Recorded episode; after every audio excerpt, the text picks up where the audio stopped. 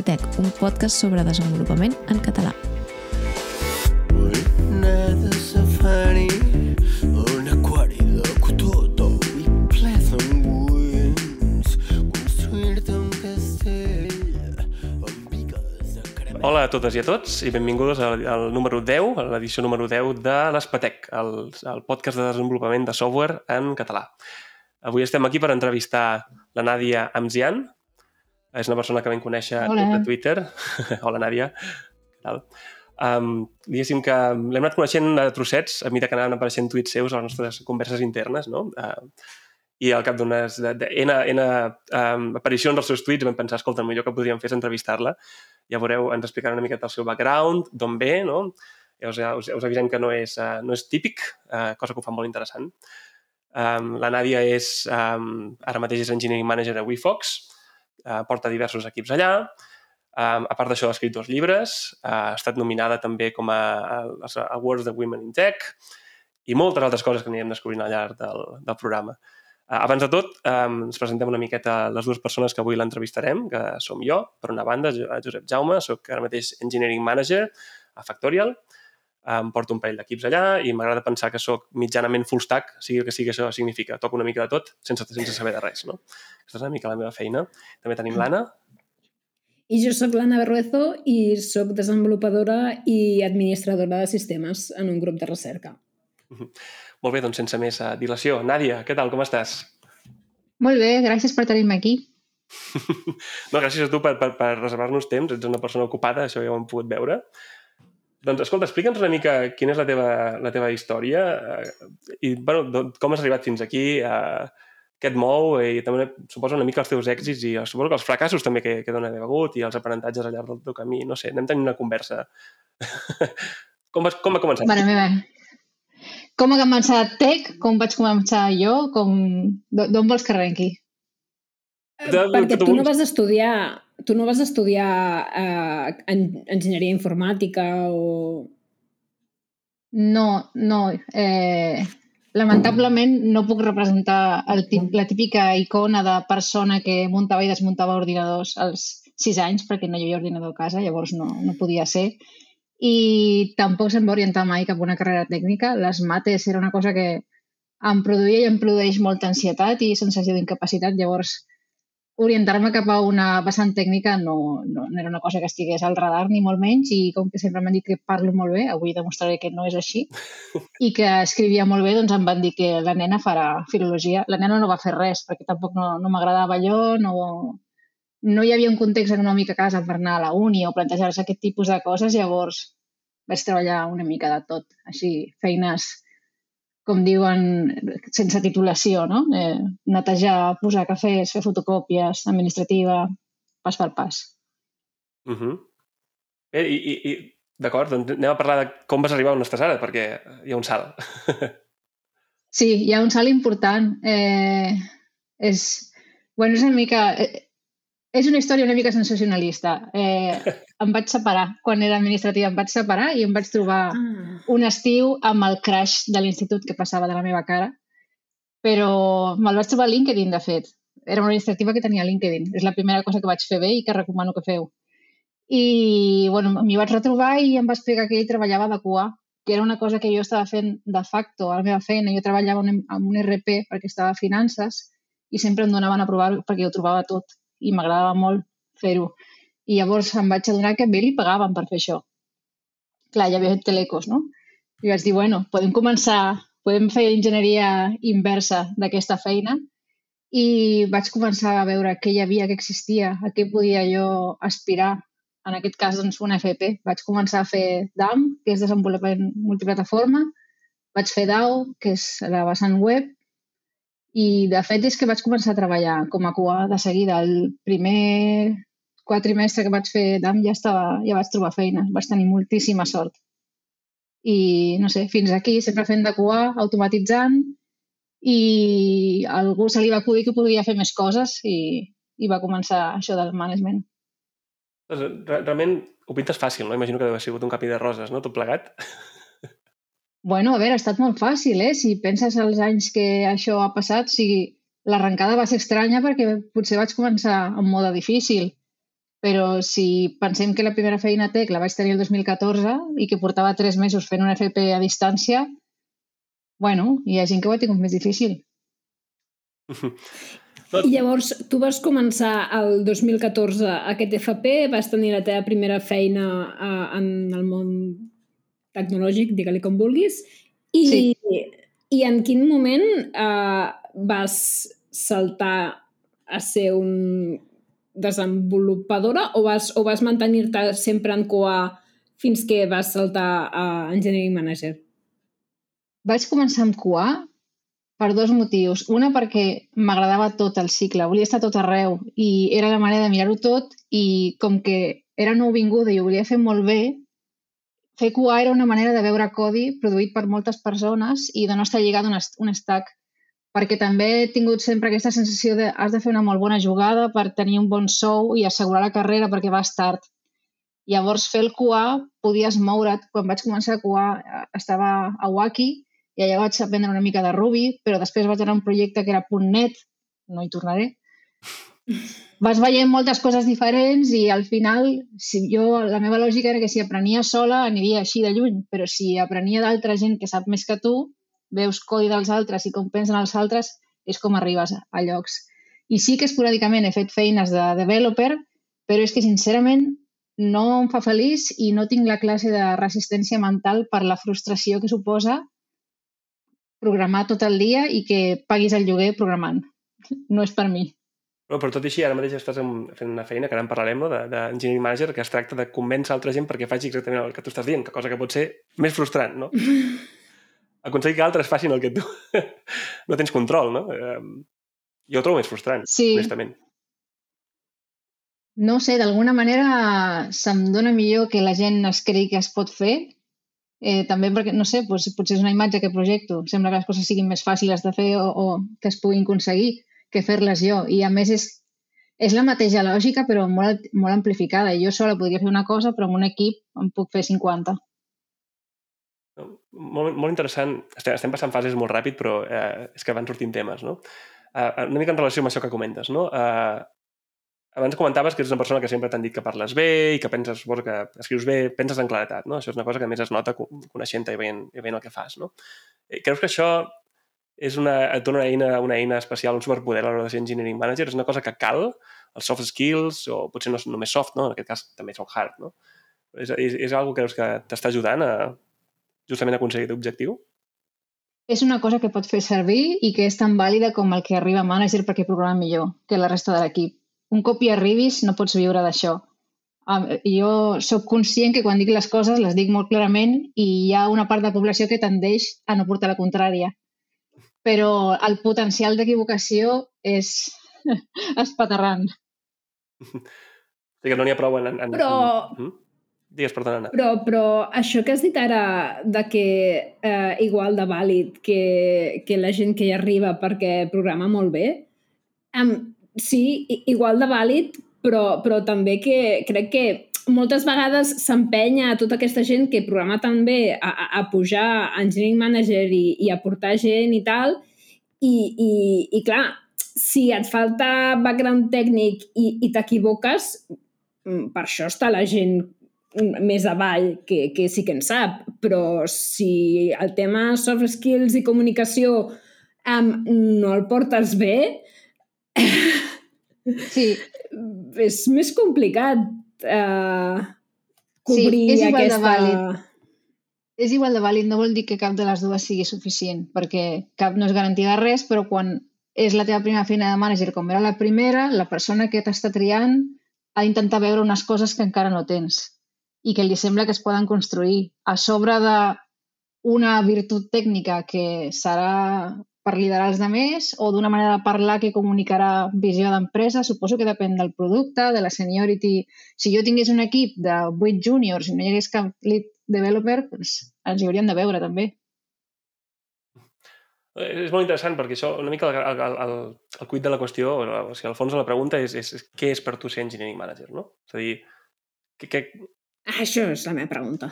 és dir quina és la teva feina? Uh, o la feina d'un engineering manager, no? En general? Mira, fer? no hi ha res que sigui ser engineering manager, depèn de l'equip. És un rol situacional totalment i estàs al que se't necessiti.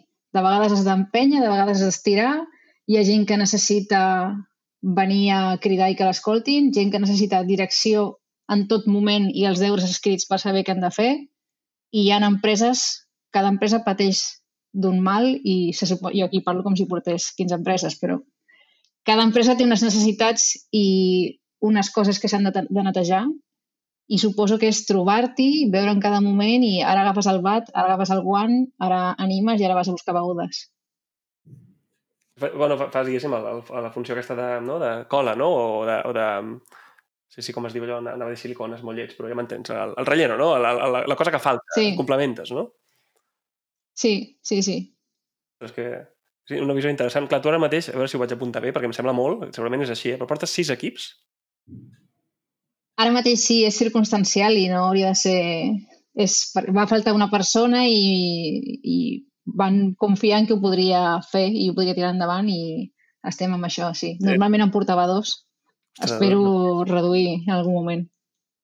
I, I pel que estàs comentant, suposo que la teva experiència és que cada equip té les seves necessitats i que no és una cosa que tu puguis... No pots adoptar la mateixa postura, no? Um.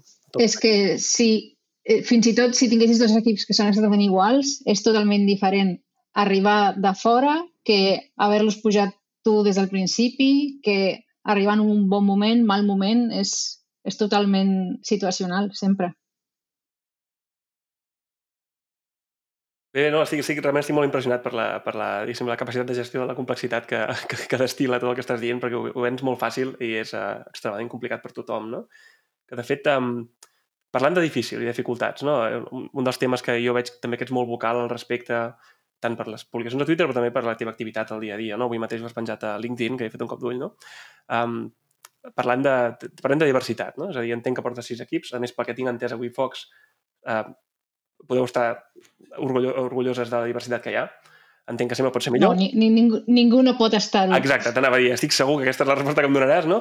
Però eh, les xifres són superiors a, diguéssim, al que es pot veure a la indústria, cosa que potser no parla massa bé de la indústria, de, és a dir, aquest és el problema d'arrel, no? Uh, però, però una mica volia entrar en aquest tema, és a dir, qui, uh, quina és la teva visió sobre... Faré una pregunta, no, no em mateu per la pregunta, però intentaré conduir la conversa. La pregunta és per què volem diversitat, no? Per què? Per què, per què té sentit ser diversos, no? Um, perquè clarament la indústria no ho és, no? Uh, quina és la teva manera de veure-ho? Uh, quin, quin és el teu... Com, com s'explica a, l'empresa per què busquem diversitat, no? Bé, crec que és una pregunta trampa perquè el normal és que una societat sigui diversa i llavors si tu em proposes de fer una cosa que no ho és, tu m'hauries de defensar, no jo, no? D'aquí moriré, que, que sapigueu que jo no tinc... Penso, però si vols que ho porti als números i que t'ho argumenti igualment, doncs si em poso el barret d'empresa és millor, fas millors productes, està demostrat, hi ha estudis, tu pots mirar i si em poso el barret de persona, perquè s'ha de fer, perquè cal fer i és la teva obligació com a persona que viu en una societat, ja està, és que no hi ha més.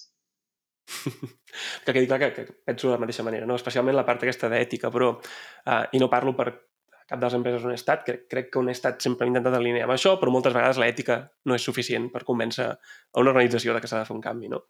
Esperen que el mercat ho governi. Uh, en aquest sentit, potser els números que dius, doncs, l'únic argument convincent per certs perfils és aquest, no? És dir, bueno, no, és que surten millors productes, no? Però tots sabem que és una dificultat i que, i que tot i la pressió que està havent-hi avui en dia, eh, des de, sobretot per part dels propis col·lectius diversos, um, no és suficient, no? Llavors, um, Sí, però per, per què t'has de carregar aquest pes de convèncer? Tu has, fas la teva feina dins el teu carrilet i la feina ha sortit d'aquesta manera. És el que dèiem l'altre dia, no sé qui tenia una reunió, que si ha, ha, ha contractat moltes dones, que si les quotes, si tu només contractes homes com a home, ningú no et preguntarà. Doncs jo vaig fent pel meu carril. Totalment, és a dir, sí, sí. Llavors, la, la, la, diguéssim, la- tu com a, entenc que una de les teves responsabilitats és fer hiring, no?, com a engineering manager. Um, Sí. I entenc que un, del, un, de, un dels teus, no, no diré viatge, no sé, una de les teves opcions està sent doncs, contractar només dones, no? O, o Home, majoritàriament. clar que tinc un viatge, o sigui, el, el tinc, o sigui, és evident i les escolto d'una manera diferent, primer perquè sóc una dona i, primer, i segon perquè hi ha una situació social que és la que és i, i reclamo el meu dret a tenir el meu viatge. No, em, em Com, com tots el tenim, no? Sí, sí, sí. Però una part... Per, volies dir alguna cosa, Anna? Perdona, m'ha semblat que volies.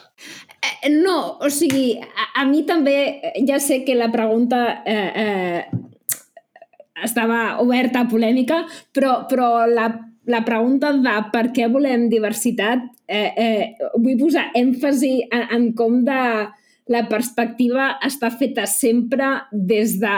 Eh, anem, a, anem a parlar sempre des del punt de vista d'un home blanc, eh, heterosexual, etc, etc. Perquè, o sigui, per què volem diversitat? E- És, és com si estiguessis qüestionant l'existència eh, eh, de la persona a la que...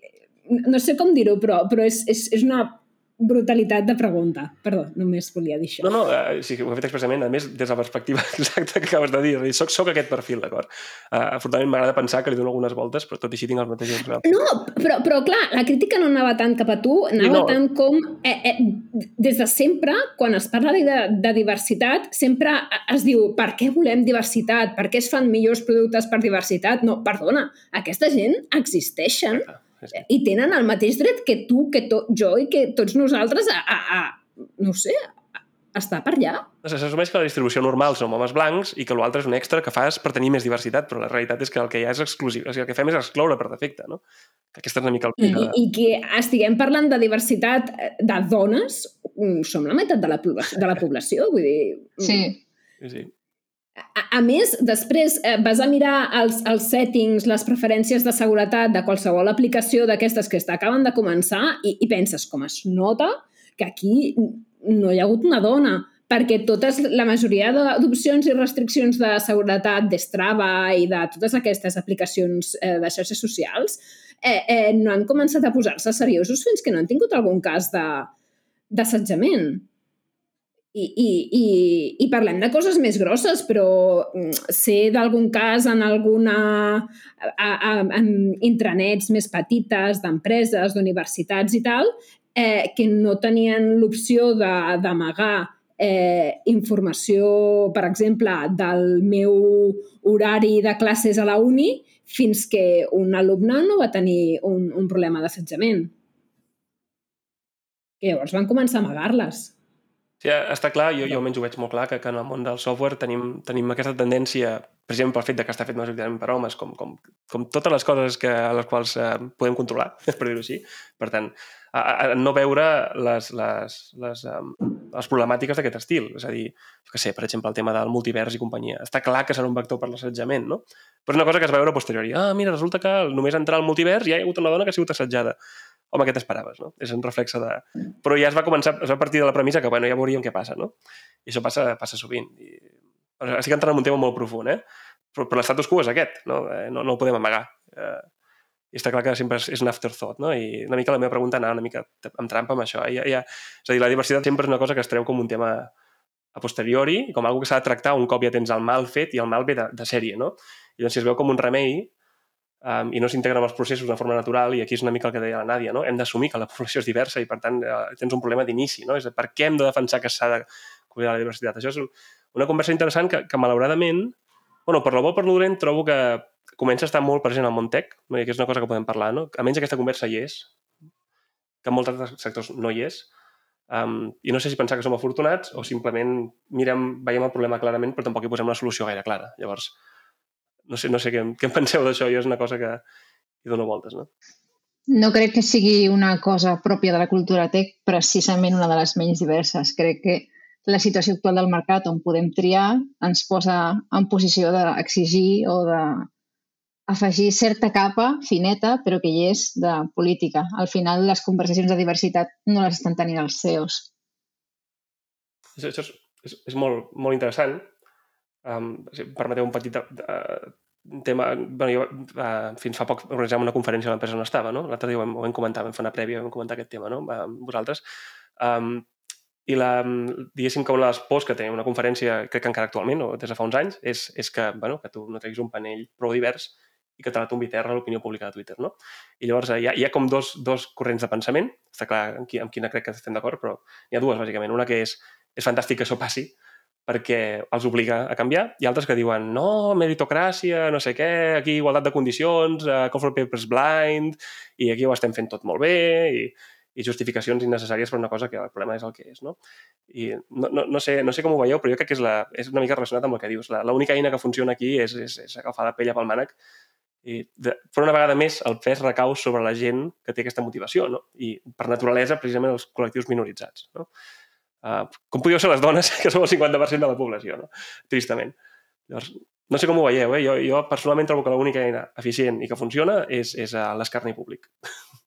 Però no és una eina pel canvi, és una eina per la implantació d'una quota, no a qui parla al panell, sinó al, al viatge que tenen a la seva ment i al final funciona per escarni o funciona per números. No vindrà la gent o quedarà malament de venir a aquesta conferència si no hi ha dones. No, no és una cosa que parteixi com a forma de pensar o... I, i vols dir que això... I al final, si no canvies les estructures que han permès arribar a aquesta situació, um, tornaràs a reproduir les mateixes dinàmiques, encara que eh, eh, escarnis o, o, o mm, castiguis d'alguna manera, després tornaràs a tenir la mateixa situació. Potser d'aquí la següent generació o d'aquí uns anys, però... Entenc. És, és a dir, és, és possible que realment les coses no canvin de fons, no? És a dir, només estic, la superfície estigui mutant, no? La, la percepció pública, però en realitat el problema d'arrel no, no segueix sent el mateix, no? I llavors, eh, vosaltres dues, quina, quina és la vostra visió sobre el tema? Què, què hauria de passar perquè això canviés? Què, què hem de fer? Educar millor? On comença aquí? El, el, on no es comença a activar el fil? No? Què, què s'ha de fer? O potser no es pot fer res? Crec que educar és clau. O sigui, oferir les mateixes oportunitats i no ficar a les persones en caixes que diuen que haurien d'estudiar d'acord amb el que tenen als pantalons. Seria, seria un bon inici, potser.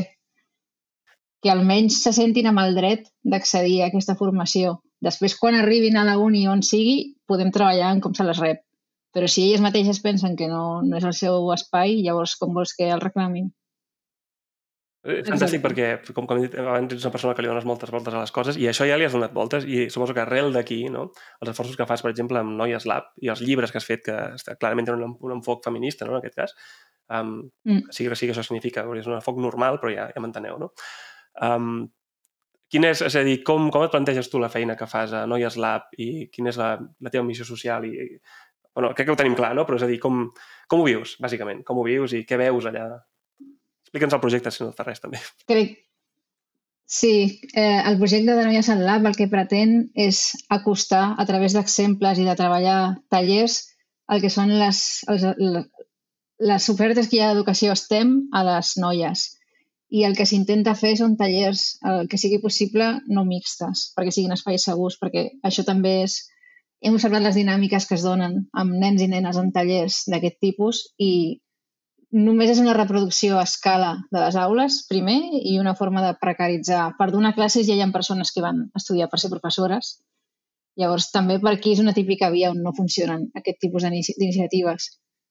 Però m'agradaria pensar que els meus esforços van envers a democratitzar l'accés a aquest coneixement, no tant en presentar-me com a rol o exemple que no crec que ho sigui, i crec que és una cosa molt dolenta per fer, intentar presentar-li a les nenes exemples, però sí demostrar que l'ensenyament hi és, que és accessible i, i treure totes les barreres possibles.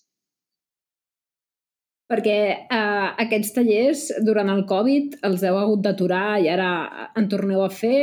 Eh, si algú estigués interessat en, en participar-hi, endurir els seus, els seus nens, nenes, eh, què, què ha de fer? Efectivament, ha estat molt parat durant la pandèmia. Normalment eren tallers que o els demanava algun AFA o algun centre cívic o alguna institució més o menys eh, propera a la nostra manera de pensar.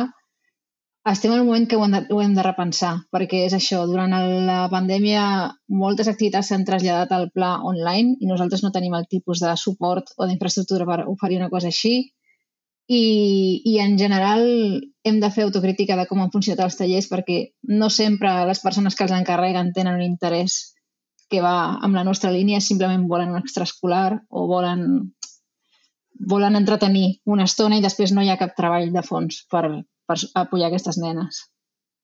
De fet, abans has dit una cosa molt, molt interessant i, i que és part del problema, que és, clar, no podem introduir classes híbrides perquè la dinàmica dels nens que ja coneixem tots no?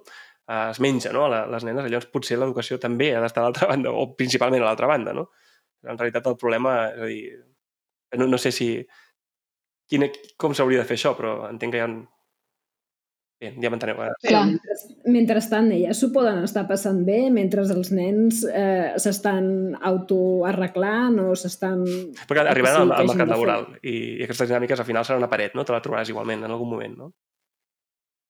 Sí, sí. De fet, quina és aquesta altra banda on ha de començar l'educació? És, el, és la mestra? És el pare i la mare? És la tele? És... No sé, qui fa més mal? Sí. És- Realment és un, és un problema, és profund, eh? Perquè és, és injust, no? Perquè és, això, a més, a, a més, en el cas que aconsegueixis no? fer un canvi d'aquestes característiques, això porta generacions. Vol dir que segurament tu i aquest impacte ja no... si algun dia es produeix, tampoc el viuràs amb, amb, no? amb, amb tranquil·litat, no? Sí, no crec. Bueno, tu, tu A en general, més- qualsevol persona que esperi un canvi d'aquests, no? No ens referia a tu, però vull dir... Ostres, és, és, és dur, A no? més que si tu individualment has de carregar, entre cometes, la feina de, de fer tots aquests canvis, eh, eh, normalment qui es carrega aquestes coses acostumen a ser les persones eh, precisament eh, discriminades pel sistema i, i llavors és com aquesta doble, triple càrrega que suficient tenen com perquè a més eh, i, i per alguna cosa que, que ells no veuran i que viurien molt més tranquils eh, eh, si no fessin. D'acord, estàs discriminat, però com a mínim no m'estic menjant el coco i, i, i a més, viure d'aquesta manera eh, al final és com una lluita contínua de cada dia haver-te d'estar barallant per aconseguir eh, eh, una cosa ínfima. Sí, no és només la càrrega, és l'estigma, perquè si això que fem és una cosa que fem les noies, que fem classes d'altres noies, que fem de germanes grans, llavors és una coseta de, de nenes, no? És un joc de tassetes, no és una responsabilitat social o no és una cosa que simplement es fa perquè s'ha de fer. I projectes com aquests, quin tipus de suport esperaríeu que hi hagués? És a dir, quin, què podem fer la resta, els que formem part del, de l'operació, diguéssim, no? Um, per ajudar. És a dir, perquè, per altra banda, també hi ha, la, la, també hi ha el, el, com es diu, el white savior complex una mica, el fet aquest de dir, no, vaig, ara jo arribaré com a home blanc i arreglaré el problema, no? Uh, que això passa a vegades també Mm. i és igualment ridícul, no? Llavors, què, què espereu? Quin tipus de col·laboració espereu? Home, hi ha coses que pots fer sense que signifiqui que vens a donar classes perquè vegin quin aspecte té un programador. Pots cedir espais, pots provocar que hi hagin sessions, pots, pot, pots parlar-ne amb altres escoles, pots començar on tinguis la teva filla estudiant, pots, no sé, pots prestar la teva empresa. Sempre hi ha coses que pots fer que no sigui, que tu siguis el vehicle de l'ensenyament. I entenc que no, no, no marketitzar-ho, no? És a dir, no convertir-ho en la gran obra social. Sobretot la, la medalla no cal, sí.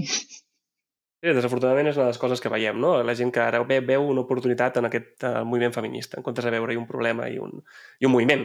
El que es veu és una oportunitat per brillar, no? Uh, Sí, suposo que la, la medalla eh, agrada més que la vergonya, no? De dir, oh, ja, ja tenim tres dones a l'equip i, i per què no en tenies abans?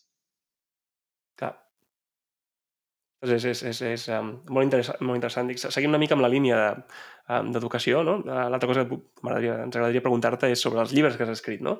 Primer, d'on ha sortit l'energia i el temps, perquè escoltant-te és com, ostres, no sé com ho fa tot. I l'altre, quin objectiu tenies? Perquè, per, el, si no m'equivoco, el de Java for Kids, per exemple, és gratuït. Eh, de vegades és gratuït. Quan és Sant Jordi o coses així o a l'estiu, tan gratuït com pugui perquè al final darrere hi és Amazon i hi ha un cost d'impressió, i però bueno, puc baixar el preu de tal manera que costa un euro i jo no, no en veig cap. I està clar que el vaig escriure... de diners, diguéssim, amb això era No. l'altre, no?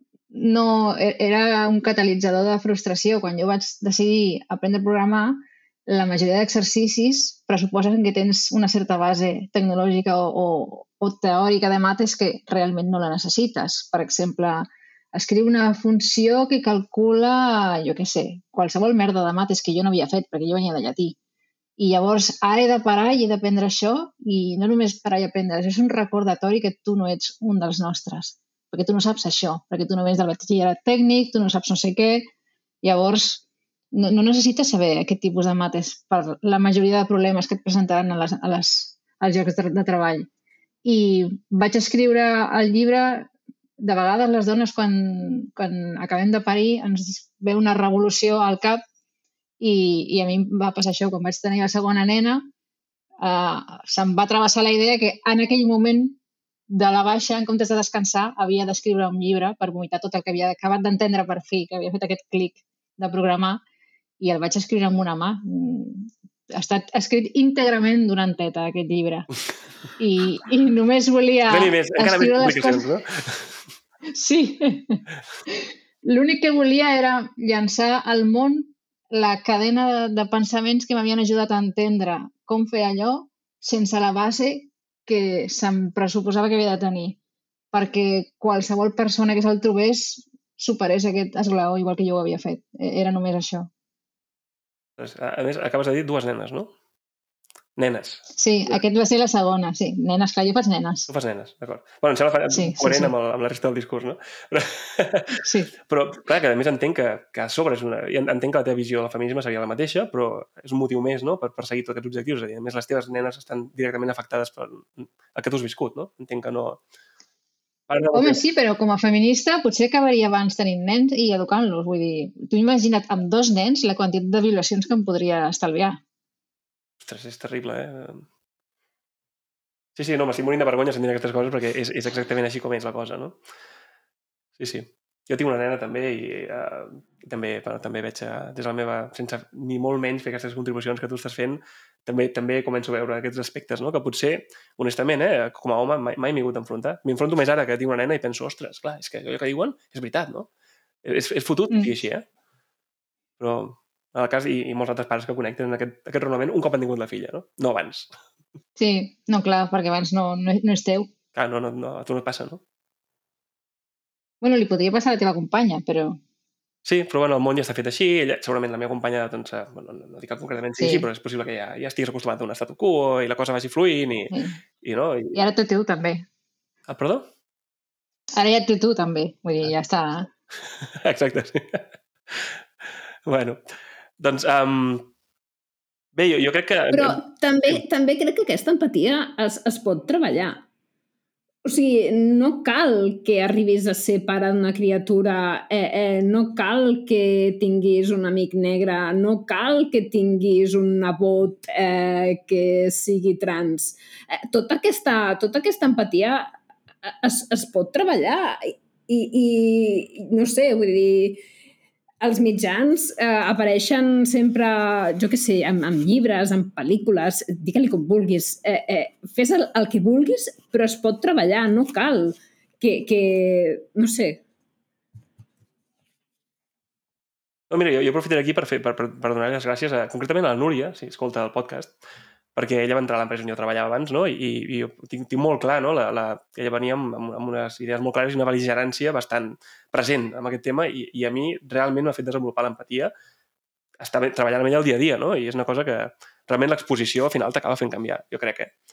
Um, però com, com vosaltres dieu, a tot arreu, no? aquesta exposició jo no la veig uh, a aquests llocs. No per començar, els programes de televisió habitualment són realment molt sexistes, ja de base és molt, és molt difícil trobar això en referents fora de... No? És dir, que estem en una bombolla, per dir-ho així, Mm. desafortunadament. No Bé, esteu a la ho bombolla. És, és, és que no és una bombolla, és que l'altre és un castell. Vull dir, certs tipus de consciència social t'hauries de baixar del castell i hauries d'obrir la porta. I seria molt incòmode i t'hauries de sentir malament, perquè és així, hi ha un procés de vergonya que l'hauries de fer. Llavors no és tan fàcil com dir, ah, reconec que està passant això, és que ho estàs fent tu als altres. Sí, sí, deixem, deixem, deixem reposar, no?, aquesta... No, no, és que... És que... I, i que al final eh, viure fora d'aquesta bombolla eh, mentalment és, és més cansat que viure-hi dins. bueno, com Sí. per mi. No, clar, i enfada, enfada moltíssim. I a més, és allò que diuen, que et posen les ulleres liles i no te les pots tornar a treure, ja, ja tot, tot, tot mal. Doncs una, una mica per tancar, tancar tot, tot, tot aquest tema, un últim, un últim apunt també respecte a la teva feina. Ja, ja sé que és una, aquí m'he- m'he m'he de, he conduït jo personalment la conversa cap a, cap a tema de diversitat i feminisme quan tens moltes més coses a dir i potser hauríem pogut de parlar més. És, eh, em disculpo perquè és la dinàmica habitual, no? però també trobo que és interessant que exposis no? la, la teva manera de pensar. Però més enllà d'això, doncs, um, també et, et, et, et voldria preguntar sobre el, sobre el, bueno, el fet que estiguis nominada als Women in Tech, als Women Tech Awards, um, que entenc que és, bueno, que ets una Women in Tech, però a la vegada, diguéssim, per la teva labor, no?, com a engineering manager, entenc que has rebut aquesta nominació per gent que aprecia la teva feina. Um, com, com, com et sents en aquest... Uh... Pues, francament avergonyida, perquè jo no crec que sigui una feina de tal calibre ni, i a més tenia molta relació amb, normalment eh, hi ha certes categories, entre elles les que em van nominar a mi, que tenen molt a veure amb que tu hagis fet eh, voluntariat amb elles. I sí que aquest any, per exemple, no estic activa amb elles, però sí que fas un acompanyament, hi ha com un grup de Slack, hi ha moltes iniciatives, estàs seleccionant papers d'altres, enviant feedback, com dir les coses, com exposar-les. Són, són moltes hores de feina i t'ho reconeixen així.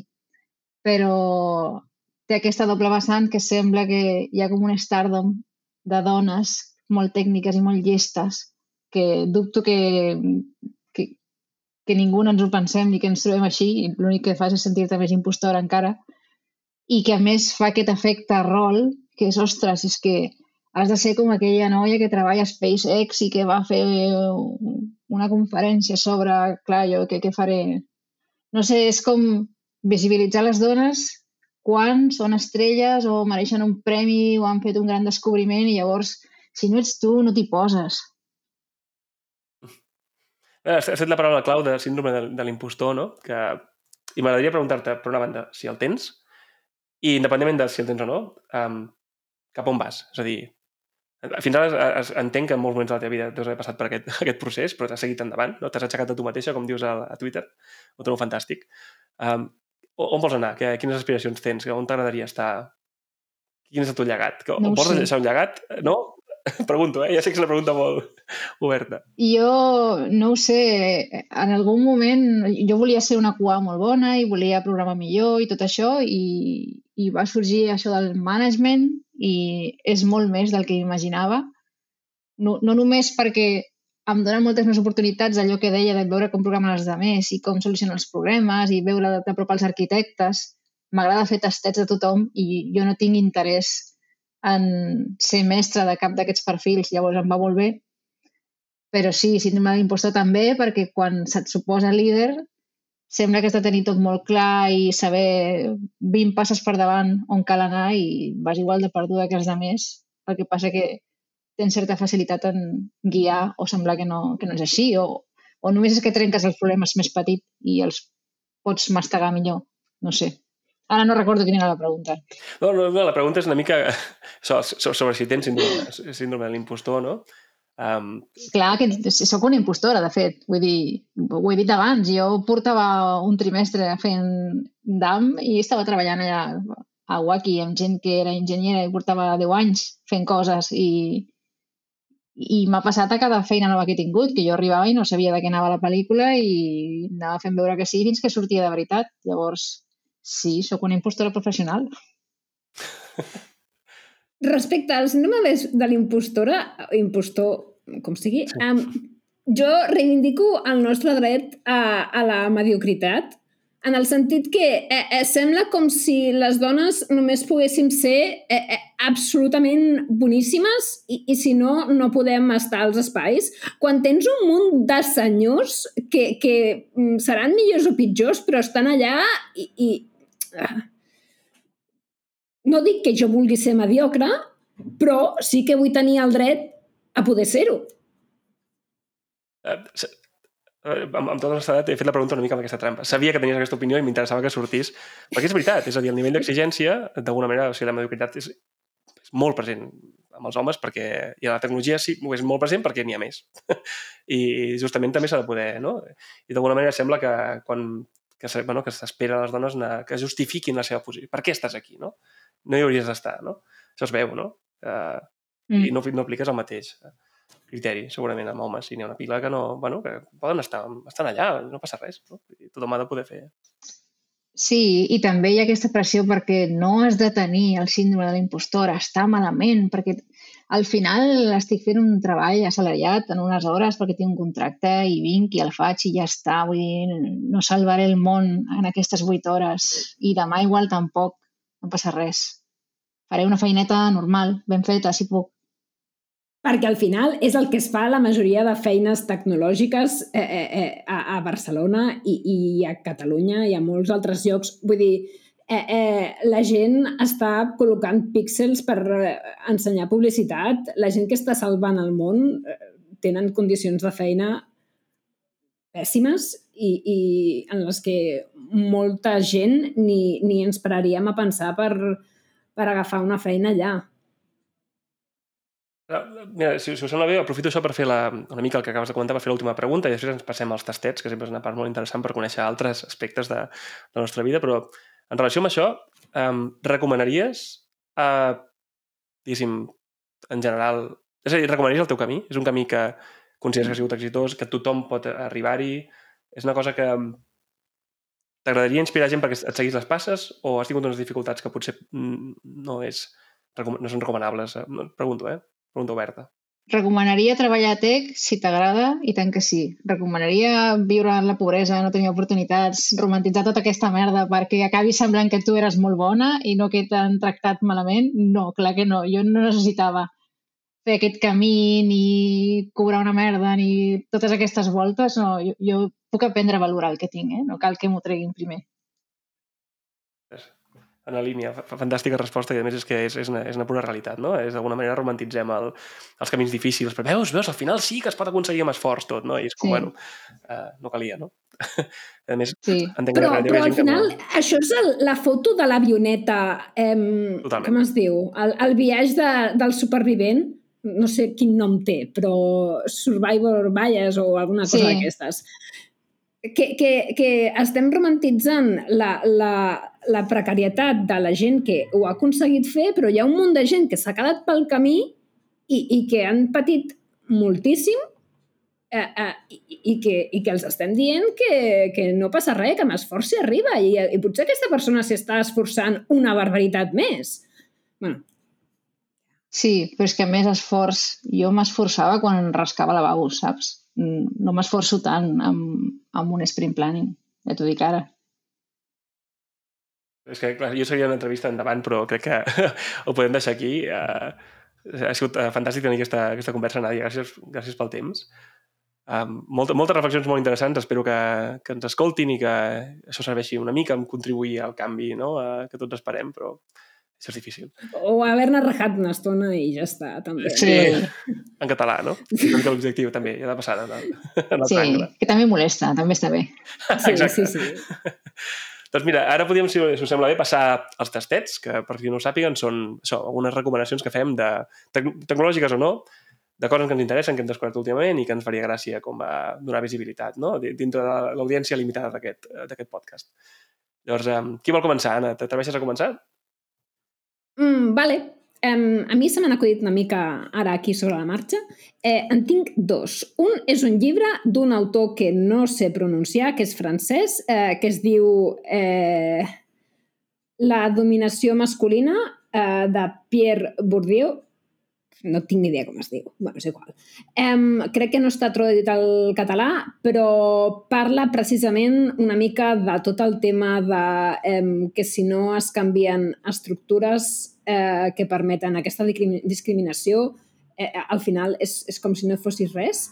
I després, eh, l'altre tastet és un Humble Bundle, que són com uns packs que fan de jocs i de còmics, etc i aquest mes eh, n'han fet un eh, pel, pel Pride Month, on hi ha tot de còmics, eh, llibres, eh, la majoria són van des d'infantil eh, fins a juvenil i va una mica en la línia del que parlàvem abans de que eh, tota aquesta empatia es, es, pot, es pot treballar i a més des de petits. I, i no és que estiguis eh, eh, com es diu eh, inculcant cap mena d'ideologia bueno, ja des de sempre eh, eh, se'ns està venent l'heterosexualitat eh, perquè ensenyis que hi ha gent que existeix no vol dir que els estiguis inculcant res. I fins aquí el tema. Molt interessant, per cert, petit apunt, una cosa que vaig al·lucinar és que aquesta pel·lícula nova de Buzz Lightyear l'estan anunciant com a cuidado que hi ha ideologia de gènere. Ostres, eh, t'ho juro que mira que ja sabia que estem atrasats, però això em va semblar absolutament aberrant, no? I una mica en aquesta línia de dir, escolta, eh, pues, bueno, no sé, és que no cal ni comentar-ho, no? Doncs aquest Humble Bundle és com un pack de tot de còmics que no porten l'avís, però tots um, són així. Sembla fantàstic. Doncs, Nàdia, et fa res presentar els teus tastets? Doncs mira, m'estic llegint un llibre que és una cosa molt de manager, que es diu Managing Humans, que és d'un senyor que es diu Michael Loeb, que sempre se li té respecte perquè almenys jo veig que aquí fenomen que tots els que treballem a tech, però per aquí, a Espanya, a Europa en general, tothom que ve de Silicon Valley, doncs tu, tu escoltes amb més de carinyo. I aquest llibre m'agrada perquè en comptes de venir amb les receptes tècniques i així, així molt... que parla com amb molta fermesa com ho has de fer, de vegades és un crit d'ajuda al propi llibre i això que és per ajudar-te a tu. I m'agrada molt llegir aquest tipus de llibres de managers que tenen molta experiència i no semblen tenir gaire coses sota control perquè la validació que em donen és immensa. M'agrada molt veure que els problemes són super normals i, i que, que ho estic fent tan malament com qualsevol altre. Em reconforta. Ostres, fantàstic, me, me l'apunto perquè també m'interessa molt. No havia sentit de parlar, eh? me l'havien recomanat i, ostres, molt, molt interessant. Doncs si permeteu, vaig jo amb els meus um, tastets, que són una mica més uh, superficials, uh, em sap greu. un d'ells és uh, una sèrie de Netflix que es diu Love in the Spectrum, és, és un documental, en realitat, um, que és uh, bàsicament gent amb aspecte, de l'espectre autista, en diversos graus, com tots sabeu, és un espectre molt, uh, diguéssim, um, amb poca visibilitat, no? hi, ha, hi ha molts graus i moltes, molta diversitat en l'autisme, no? i bàsicament a la seva persecució de l'amor. No? Um, Bé, és, és interessant, és interessant perquè trobo que la, diguéssim, la diversitat, um, com es diu, la neurodiversitat? La, um, també és una, Sí, sí, sí. no, és un aspecte que, que no es té massa en compte, n'hi ha moltíssima també, i això té molt a veure després amb com ens relacionem entre nosaltres i tal, i bueno, és una sèrie que m'ha fet pensar molt dins, dins de lo superflu que és, perquè el tractament tampoc és molt profund, però només veure aquestes persones com s'exposen, com, com lidien amb els seus problemes, em va semblar molt, molt inspirador. I a més hi ha, dos, eh, hi ha la versió americana, com sempre, quan algú té èxit fan la versió americana, l'original és la- l'australiana.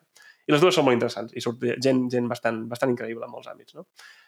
I l'altre tastet, que és encara més superflu que aquest, és uh, una eina que es diu Gitpod, que és una eina per desenvolupar el cloud. Uh, bàsicament, entorns de desenvolupament, el cloud, instantanis i tal, l'estem implantant a l'empresa on treballo, però ja l'havia fet servir amb anterioritat i trobo que és, és probablement el futur del de- desenvolupament i el més el que depèn menys d'una màquina potent, el que depèn, tot, tot és treball a través del navegador, cosa que en certa manera dona més accessibilitat a, a desenvolupar per gent de tots els perfils. Jo m'agrada mirar-m'ho com una eina per fer accessible el software als júniors. No?